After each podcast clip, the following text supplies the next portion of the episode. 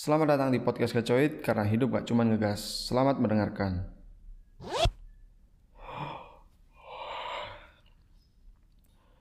Weekend yang cukup ngantuk, sangat kerasa sih ya udah hari Sabtu lagi. Setelah lima hari bekerja, Alhamdulillah udah Sabtu lagi. Dan waktunya bareng dengerin gue Fafifu lagi. Karena hari Sabtu adalah hari weekend yang cukup dinantikan oleh para pekerja ataupun mahasiswa untuk sekedar istirahat atau ada yang berlibur, refreshing. Kalau bahasa mudanya itu healing gitu. Healing, healing. Dimandiin. untuk yang workaholic, eh, misal bener-bener butuh uang ya silahkan dikejar karena kebutuhan orang itu beda-beda kalau Sabtu Minggu masih mau kerja masih mau berkarya semangat kalau untuk yang cuma mau dilirik bos silahkanlah bekerja nggak apa-apa. Kalau nggak dilirik jangan kecewa gitu aja kan. Dan untuk yang masih nganggur selamat lima hari udah nyari kerja sekarang ya bisalah selonjoran dikit gitu. Selonjoran sebentar ngasuh lah apa sih yang dikejar? Dunia dunia dunia dunia ini fana ngomongin pengangguran dulu gue juga sempet nganggur sih sebenarnya. Jadi jangan mendiskreditkan para pengangguran. Karena kalau nggak ada pengangguran juga nggak bakal ada pekerja kan? Tapi gue nggak full nganggur sih dulu. Ada part-part kegiatannya. Jadi kayak gue bantuin di rumah bantuin pekerjaan rumah. Misal pekerjaan-pekerjaan cowok sih. Kayak benerin kolam, masang lampu, benerin instalasi listrik. Dan dulu juga ada budidaya jamur di rumah gue, gue sempet bantuin. Kecil sih sebenarnya, yang besar itu punya orang dan gue belajar, gue punya kecil sedikit. Itu juga sempet kerja di loper koran, loper eh loper koran, loper buku, loper buku maaf, loper buku jadi gue di sana packingin buku dan kadang nganter juga nggak kadang ding cuma sekali nganter di sekitar tempat itu tempat kerja gue. Dan ada satu part di mana gue pengen konten cuman kalau istilah Jawanya itu awang-awangan gitu males. Dan podcast kali ini bakal bahas tentang berkarya lah intinya berkarya. Dan gue sedang coba merealisasikan itu. Ya mungkin untuk teman-teman yang masih belum mendapat pekerjaan, coba deh kalian lakuin apa yang pengen kalian lakuin selama itu positif dan jangan mikir penghasilannya dulu deh. Yang penting itu positif, kalian coba lakuin dan dalam bentuk karya gitu. Santai aja, keep it slow gitu jangan sampai kalian tuh nggak ngapa-ngapain bener-bener nggak ngapa-ngapain yang literally itu cuma weh gila literally literally kayak orang jaksel banget gak tuh jangan nggak ngapa-ngapain lah yang kalian cuma tidur terus nongkrong main game ngabisin duit orang tua. Ya tapi kalau yang dewasa ini main game nggak masalah ya. Maksudnya sekarang toh banyak juga pekerjaan-pekerjaan yang dihasilkan dari game. Misal kayak brand ambassador dari suatu tim esport. Jadi tim esport itu sendiri jual beli akun banyak sih. Jadi nggak apa-apa kalau main game tapi jangan nyusahin orang tua gitu aja kalau semisal lo udah lama menekuni game dan nggak ada hasilnya ya udah lo coba cara lain gitu. Misalnya kalau sekarang cuma main game coba lo streaming kecil-kecilan. Lo coba buat konten lucu-lucuan gitu loh. Kalau lo mau sambil nyari kerja yang misal kayak corporate gitu ya nggak apa-apa. Anggap aja itu kegiatan iseng-iseng gitu loh. Toh siapa tahu besok ada manfaatnya selama itu positif ya. Gue yakin ada manfaatnya sih selama itu positif. Kalau misal lo bisa sih ya walaupun nothing tulus gitu ya ngerjainnya tapi tetap teratur gitu loh bikin suatu karya mulai dari hal yang simple aja.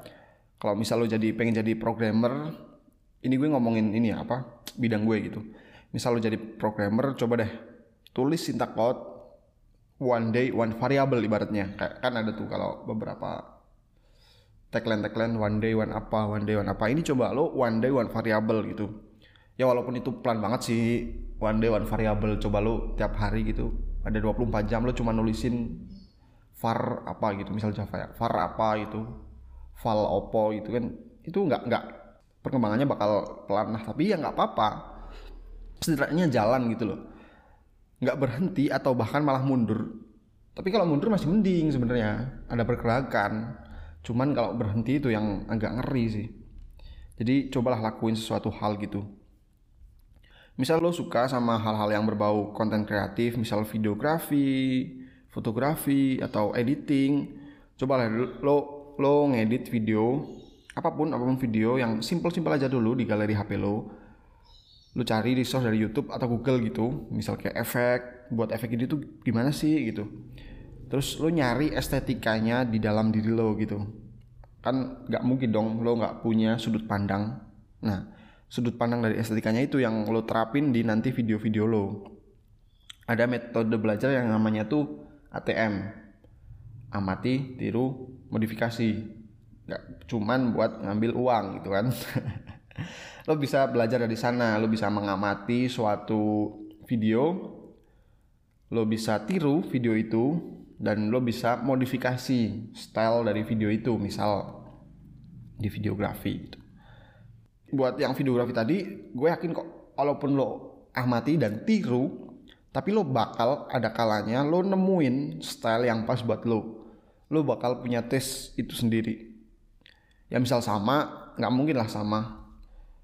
Dan kalau beneran sama udah mepet banget sama coba lo dengerin podcast gue yang episode 2 ini masih relate kok. Asli kalau misal lo sekarang nggak ngapa-ngapain tuh dan habis kayak sekolah itu khususnya anak SMA SMK dan lo gebiar kayak gue lakuin itu selama itu positif just keep it doing jangan lu nanti-nantiin karena sebagian penikmat konten YouTube, Instagram dan Facebook dan cuitan-cuitan lucu di Twitter, gue pernah denger gini Umur dari seorang bisa punya audiens dari karya adalah 2 sampai 3 tahun yang dilakukan secara disiplin. Dan kita nggak tahu karya mana yang bakal disukai oleh audiens kita. Semisal lu doing positivity sekarang, ibaratnya iseng atau demi mengisi kekosongan dan itu dilakukan secara rutin, lu bakal ya nggak bakal tahu gitu konten mana atau cara mana yang bakal membawa rezeki ke kehidupan lo. Oh, BTW rezeki di sini tuh nggak yang diukur cuma dari uang ya. Ya aku paham sekarang tuh adalah apa-apa itu nggak penting. Yang penting sekarang adalah kita punya uang gitu kan. Yang paling kita butuhkan adalah uang. Misal ya rezekinya adalah datang teman-teman yang positif, yang bisa support kita secara fisik maupun mental. Kita bisa dapat komoditas dari apa yang kita sukai. Lu bisa tambah kenalan gitu kan. Apakah itu bukan rezeki? itu merupakan rezeki menurut gue ya itu rezeki pak deh kalau misal orientasi lo tentang rezeki itu masih uang nah orang-orang yang tadi lo kenal atau yang tahu lo punya potensi gitu apa nggak bakal ngasih lo opportunity cuan ke lo gitu kan? Yakin pasti ngasih sih. Pasti ngasih. Dan itu sedang gue lakuin sekarang pak nyoba bangun relasi. Ada ada cerita nih dari teman gue yang kayaknya udah pernah gue ceritain di episode 00 kalau nggak 01 gue lupa. Tapi kayaknya di 00 00 episode sebelum episode 1 jadi episode perkenalan. Coba dengerin. Kalau nggak gue gue ceritain aja nah jadi dia itu jadi barista pas pas SMA pak. Btw gue SMK bukan SMA oke. Okay. dia lakuin sepulang sekolah sampai jam 3 pagi pak. Kayaknya nggak habis sekolah juga sih. Kayaknya habis habis isya deh kalau nggak salah. Jam 8 gitu. Sampai jam 3 jam 3 pagi pak. Sehari itu katanya tidur cuma 2 sampai 3 jam. Dan hampir tiap hari pak. Nggak cuma Sabtu Minggu. Hampir tiap hari kalau nggak salah loh selain dia ngelakuin itu karena mungkin dia suka dia ngelakuin itu karena benefitnya pak hal yang dia lakuin ternyata ngasilin relasi pak banyak kerjaan yang bisa dia handle datang dari relasinya di kopi shop itu. Dia ngelakuin hal-hal yang sekarang ngasilin cuan buat Do itu awalnya nothing tulus gitu loh. Iseng main warnet, main desain, akhirnya dia lihat peluang, iseng belajar bikin kopi ala kafe sendiri. Dia kalau mau ngopi nggak usah ke kafe. Sampai akhirnya Doi nemu benefit kalau kerja di kafe bisa dapat relasi, Doi belum besar tapi pembelajaran yang bisa kita ambil. Dari dia noting tulus belajar apa main warnet belajar desain dia nggak tahu audiensnya siapa. Akhirnya dia nyoba buat desain dan dia kerja di coffee shop. Desainnya banyak relasi banyak orang-orang yang datang termasuk orang-orang yang besar. Dia bangun relasi itu orang-orang tahu dia bisa desain dan kalau minta desain ya ke siapa? Ke teman gue ini. Emang ngelakuin hal baru itu nggak mudah nggak banget.